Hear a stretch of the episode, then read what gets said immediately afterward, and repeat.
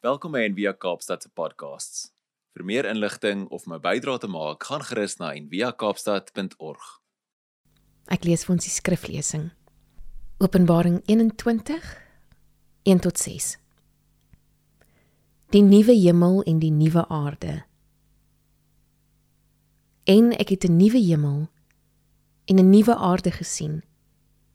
Want die eerste hemel en die eerste aarde het verbygegaan en die see was daar nie meer nie. En ek, Johannes, het die heilige stad, die nuwe Jerusalem, sien neerdal van God uit die hemel. Toe berei soos 'n bruid wat vir haar man versier is. En ek het 'n groot stem uit die hemel hoor sê: "Kyk, die tabernakel van God is by die mense. En hy sal by hulle woon." En hulle sal sy volk wees en God self sal by hulle wees as hulle God. En God sal al die trane van hulle oë afvee en daar sal geen dood meer wees nie.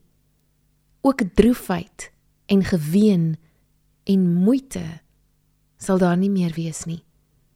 Want die eerste dinge het verbygegaan.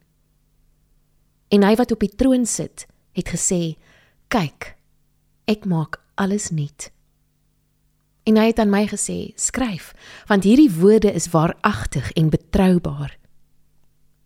En hy het vir my gesê: "Dit is verby. Ek is die Alfa en die Omega, die begin en die einde. Aan die dorstige sal ek gee uit die fontein van die water van die lewe." Verniet. Die boek Handelinge waaruit die leeslys se hoofteksgedeeltes die afgelope tyd kom is 'n wonderlike boek in die Bybel wat deur Lukas geskryf is en wat eintlik vir ons sê Jesus se lewe eindig nie by Jesus nie. Dit gaan verder. Dit vloei voort in sy woord en in sy volgelinge deur sy gees. Die groot gevaar daarvan om om beïndruk te word deur Jesus is dat dit daar stop en dat ons nie beïnvloed word deur hom nie dat dat sy handelinge nie deur ons vloei nie. So Lukas begin Handelinge met die volgende woorde. Die eerste verhaal het ek opgestel oor alles wat Jesus begin doen en leer het tot op die dag dat hy opgeneem is. Nadat hy aan die apostels wat hy uitverkies het deur die Heilige Gees beveel gegee het aan wie hy ook na sy lyde hom lewend vertoon het deur baie kentekens terwyl hy gedurende 40 dae aan hulle verskyn het en oor die dinge van die koninkryk van God gespreek het.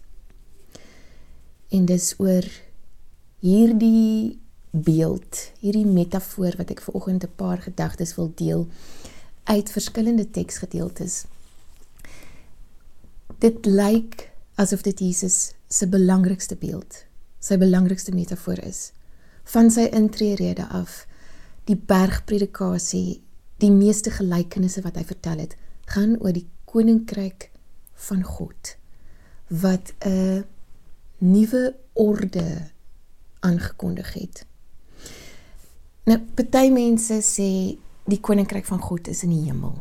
Die hiernamaals, die ewige lewe wat ons gaan beerwe na ons heen gaan hier op aarde. En hulle het natuurlik Bybelse bewyse. Hulle is reg. Ander mense sê die koninkryk van God is hier en nou in ons. Hulle waarheid is uiteraard ook skrif gefundeerd. En hulle is reg. Die koninkryk van God is altyd nou en nog nie. Um Richard Rohr se woorde is the now and the not yet. So die koninkryk van God, die koninkryk van die hemel word dit op baie ander plekke beskryf. Verwys nie dat die ewige lewe nie. Dit verwys nie dat die plek waartoe ons gaan as ons eendag dood is nie. Want in die Onse Vader lees ons Thy will be done as in heaven as here on earth. Thy kingdom come as in heaven as here on earth. Dis binne in julle, sê Jesus, hier. Dis at hand, the kingdom of God is at hand. Dis nou. Cynthia Bourgeau sê altyd dis nie later nie, maar ligter, not later, but lighter. Die regtige regtig. Die realiteit met 'n hoofletter r. Dis nou soos wat ek vir my seentjie hulle mag mos nie leer van r nie, hulle sê nog r met 'n hoofletter r. Die bottom line.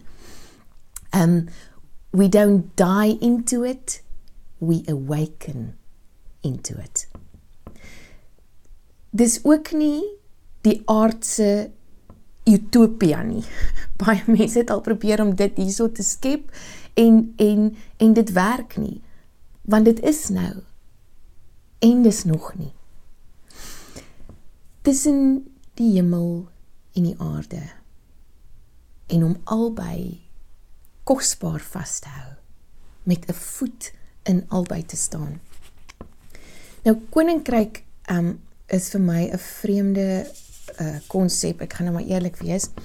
My enigste verwysingsraamwerk lei my altyd na die Queen en al die royals in Engeland en ek verstaan byvoorbeeld glad nie alhoewel alhoewel ek weet baie van ons gemeentelede het koppies en pierings en alles. Ek gaan nou nie vingers wys nie met die met die royalty op. Um ek ek ek verstaan nie daai mense wat buite in tente kamp om te sien hoe die nuwe prinsie gebore gaan word of of wat ook al nie. 'n Koning en sy onderdane. Dis dit dit dit, dit bly vir my vreemd en ek dink vir baie van ons. Jesus het dit gelykgestel aan 'n mosterdsaadjie. Die koninkryk van God is soos 'n mosterdsaadjie. Nou die ding van mosterd is eerstens dat dit baie medisinaal is. Dis helend. En die ander ding is dis 'n kan nie dood. Dis is so onkruid as jy hom plant. Is daar geen keer nie. Brian McLaren het hierdie volgende woorde gesê. Hy het gesê to a citizen of western civilization like me, kingdom language suggests order, stability, government, policy, domination, control, maybe even vengeance on rebels and threats of banishment for the uncooperative. But on Jesus' lips, those words describe Caesar's kingdom. God's kingdom turns all of those associations upside down. Order becomes opportunity. Stability melts into movement and change. Status quo government gives way to a revolution of community and neighborliness. Policy bows to love. Domination descends to service and sacrifice. Control morphs into influence and inspiration. And vengeance and threats are transformed into forgiveness and blessing. Order becomes opportunity. Stability melts into movement and change. Status quo government gives way to a revolution of community and neighborliness. Policy bows to love. Domination descends to service and sacrifice. Control morphs into influence and inspiration. And vengeance and threats are transformed into forgiveness and blessing. Jesus het gesê moenie wraak neem waar daar verkeerd gehandel is nie. Soek hereniging. Moenie wraak met wraak betaal nie. Soek kreatiewe en transformerende nie gewelddadige alternatiewe. Moenie fokus op eksterne ooreenstemming met morele kodes nie, maar op interne transformasie in liefde. Moenie net die die binnekring lief hê nie en die buitemense, die outsiders vrees nie. Verwelkom hulle in 'n nuwe ons. In 'n nuwe menslikheid wat diversiteit en verskille vier in die konteks van liefde vir almal, geregtigheid vir almal en respek om twee keer te kyk, respek vir almal. Moenie angs hê oor geld nie of sekuriteit of plesier. Gooi jouself in die omgee van God. Vertrou op 'n ander regtige regtig. Moenie leef vir welstand en geld nie, maar vir die lewende God wat mense liefhet insluitend jou vyande. Moenie jou vyande of jou kompetisie haat nie, hê hulle lief. En doen aan hulle soos wat jy aan jouself gedoen wil hê. Soos wat jy is. Nes jy is. Want ek is omdat jy is en ons is omdat ons is. die um, die idee van van swaarde en ploegskare um is kom uit 'n kom uit Jesaja Jesaja 2 um en dit het 'n uh, dit het 'n spreekwoord geword. Die woorde uit Jesaja 2 sê many people is there's a there's a visie van Jesaja many people shall come and say come let us go up to the mountain of the Lord to the house of the God of Jacob that he may teach us his ways and that we may walk in his paths for out of Zion shall go forth instruction and the word of the Lord from Jerusalem he shall judge between the nations and shall arbitrate for many peoples they shall beat their swords into plowshares, and their spears into pruning hooks. Nation shall not lift up sword against nation, neither shall they learn war any more. They shall beat their swords into plowshares. Um, en dit het 'n dit het 'n uitdrukking geword in 'n konsep waarin militêre wapens neergelê word en op 'n kreatiewe manier omvorm word vir die welstand en welwese van die van die gemeenskap van van alle mense. Die die message vertaling sê he'll show us the way he works so we can live the way we're made. God sal vir ons wys hoe hy werk deur Jesus sodat ons kan leef soos wat ons gemaak is.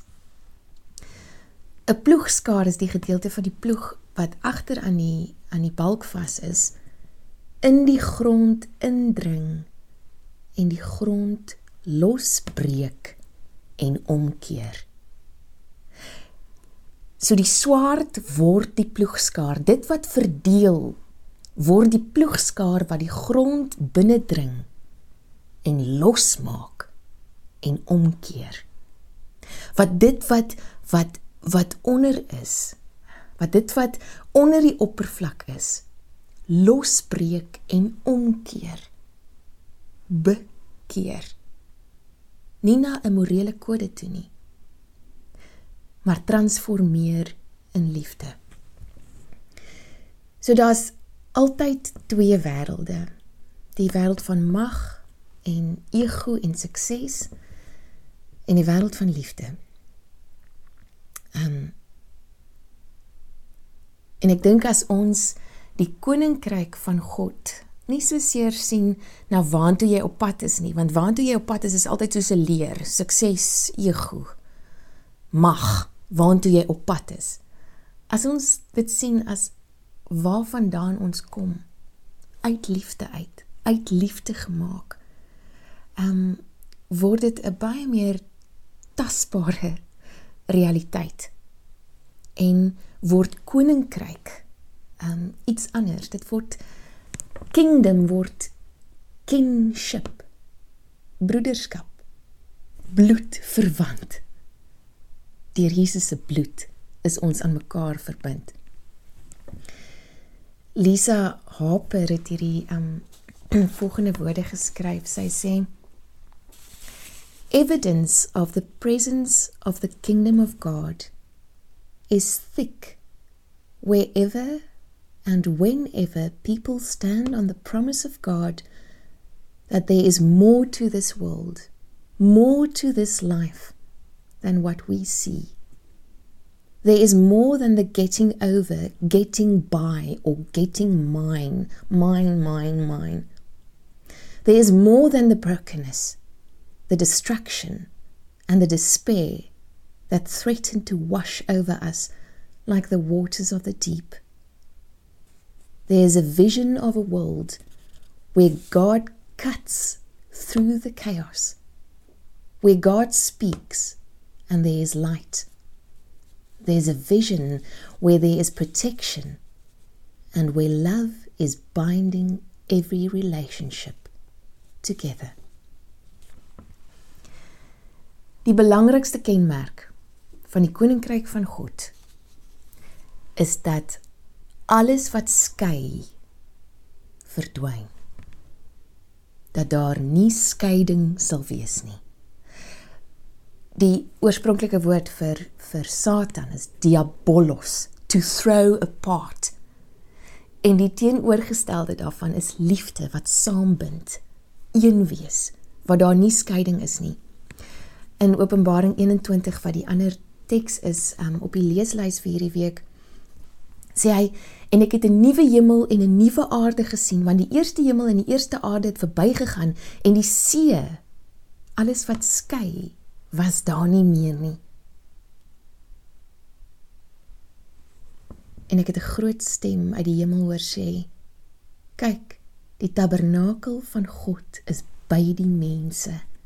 en hy sal by julle woon en hulle sal sy volk wees. En God self sal by hulle wees as hulle God. En God sal al die trane van hulle oë afvee. En daar sal geen dood meer wees nie. Ook nie droefheid nie. Ook nie 'n geween en moeite nie.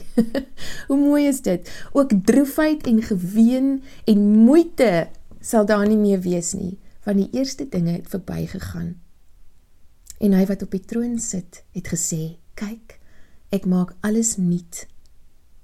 En hy het aan my gesê: "Skryf, want hierdie woorde is waaragtig en betroubaar." En hy het vir my gesê: "Dit is verby. Ek is die Alfa en die Omega, die begin en die einde." Aan die dorstige sal ek gee uit die fontein van die water van die lewe verniet. En die woorde dit is verby is eintlik dink ek so 'n bietjie van 'n misvertaling. Dit wil sê it is done. Um en tyds begrip by God is mos anders. It was done, it is being done and it shall be done. Amen is eintlik die woord. Amen. Laat dit so wees. Daar's nie meer skeiding tussen God en mens nie. Daar's nie meer skeiding tussen mens en mens nie wat twee van Jesus se sleutellerings was wat eintlik al sy lerings omsluit het. Dis hoekom hy gekom het. En wat vir my so mooi is en ek gaan dit nou nie lees nie. Um is die ander teksgedeelte vir hierdie week is Handelinge 11 wat 'n waterskeidingsmoment in die kerk is in die vroeë kerk is. En waterskeidingsmoment is my um ironies want hierdie waterskeidingsmoment was dat daar geen skeiding meer is nie. Die opskrif daarvan is God has broken through. En dit gaan oor Petrus wat hierdie visioen kry. Um dat niks meer rein en onrein in God se oë is nie. Dat nie meer net die net die besnedenis um deel kan hê aan God nie. Dat heidene tot bekering kom. God has broken through. En hierdie woorde sê oor en oor, it has really happened. Amen. God has broken through. Wat jy gedink het staan buite, wat jy gedink het is uitgesluit, is nou in deur die liefde. Die liefde het altyd die laaste woord. Dit eindig nie by Jesus nie. Dit begin daar. En deur ons wat mekaar liefhet en dis wat Jesus gesê het. Waaraan sal hulle weet dat die koninkryk van God hier is, dat julle my disippels is aan die liefde dat julle mekaar liefhet. Ons gaan nou na 'n uh, 'n sanglyster wat Colette wat in ons gemeenskap is hierdie week vir my gestuur het. Um dis dit is my aangrypend omdat hierdie hierdie beginsel van um die sang se naam is The Plowshare Prayer. En die die uitvoerder daarvan. Ehm um, ek kon dit nie beter sing of beter beliggaam vir oggend nie. Ehm um, sê amen.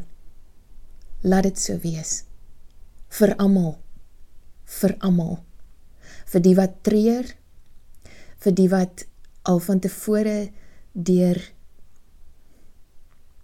gebede gesteek is so swaarde deur sogenaamde gebede deur sogenaamde Jesus liefhebbers of mense wat net nie net nie geweet het nie net nie geweet het dat die koninkryk van God hier in ons hier by ons hier tussen ons is nie. En um, ek wil vir oggend saam met hulle sê amen. Mag ons ons swaarde nie net weggooi nie maar omvorm in ploegskare wat die grond binnendring omkeer losmaak sodat ons die koninkryk van God ook hier ook nou en altyd nog nie heeltemal nie kan leef. In die naam van liefde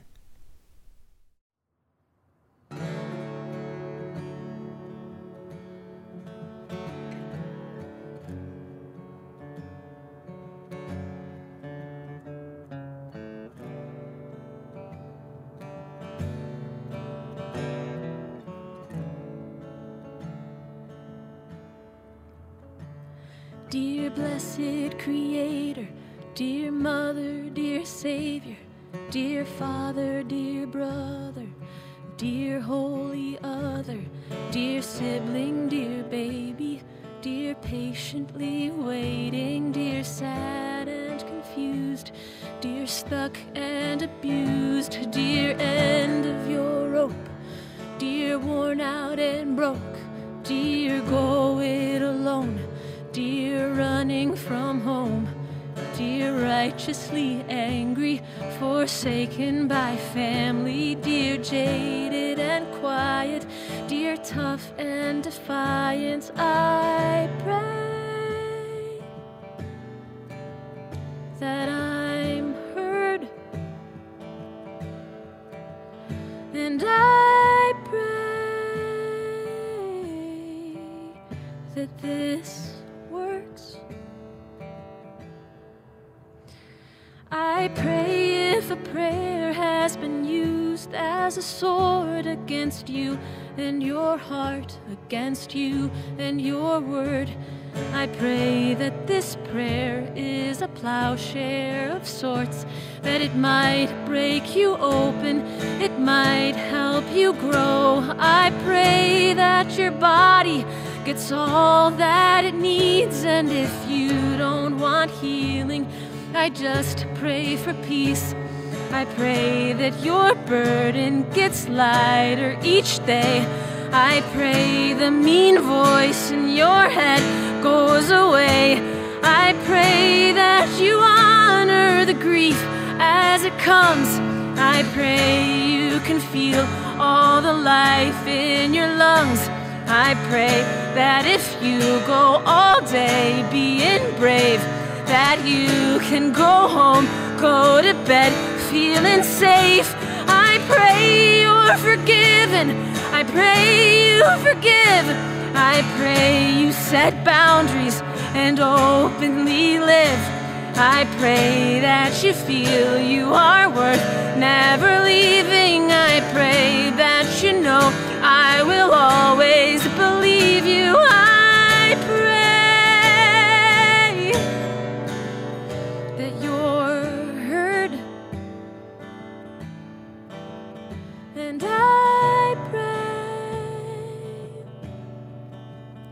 that this works. Amen. On behalf of the last and the least, on behalf of the anxious, depressed, and unseen.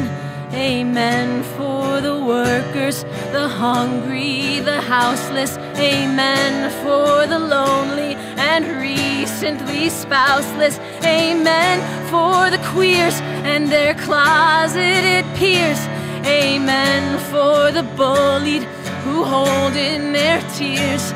Amen. For the mothers of little black sons. Amen. For the kids who grow up scared of guns. Amen. For the addicts, ashamed and hungover. Amen. For the calloused, the wise and the sober. And amen. For the ones who want life to be over. And amen. For the leaders who lose their composure. And amen. For the parents who just lost their baby. Amen. For the chronically ill and disabled. Amen. For the children down at the border. Amen. For the victims of our law and order. I pray that you're heard. And I pray that this works.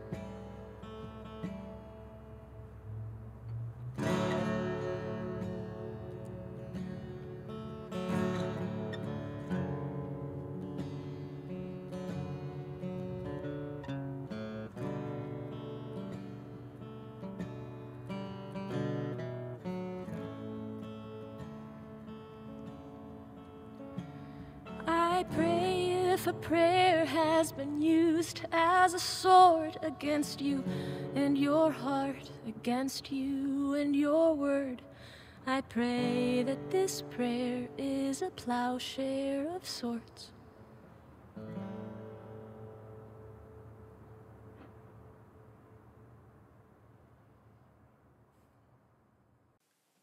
Dankie dat jy saam geluister het vandag. Besoek gerus en via kaapstad.org vir meer inligting.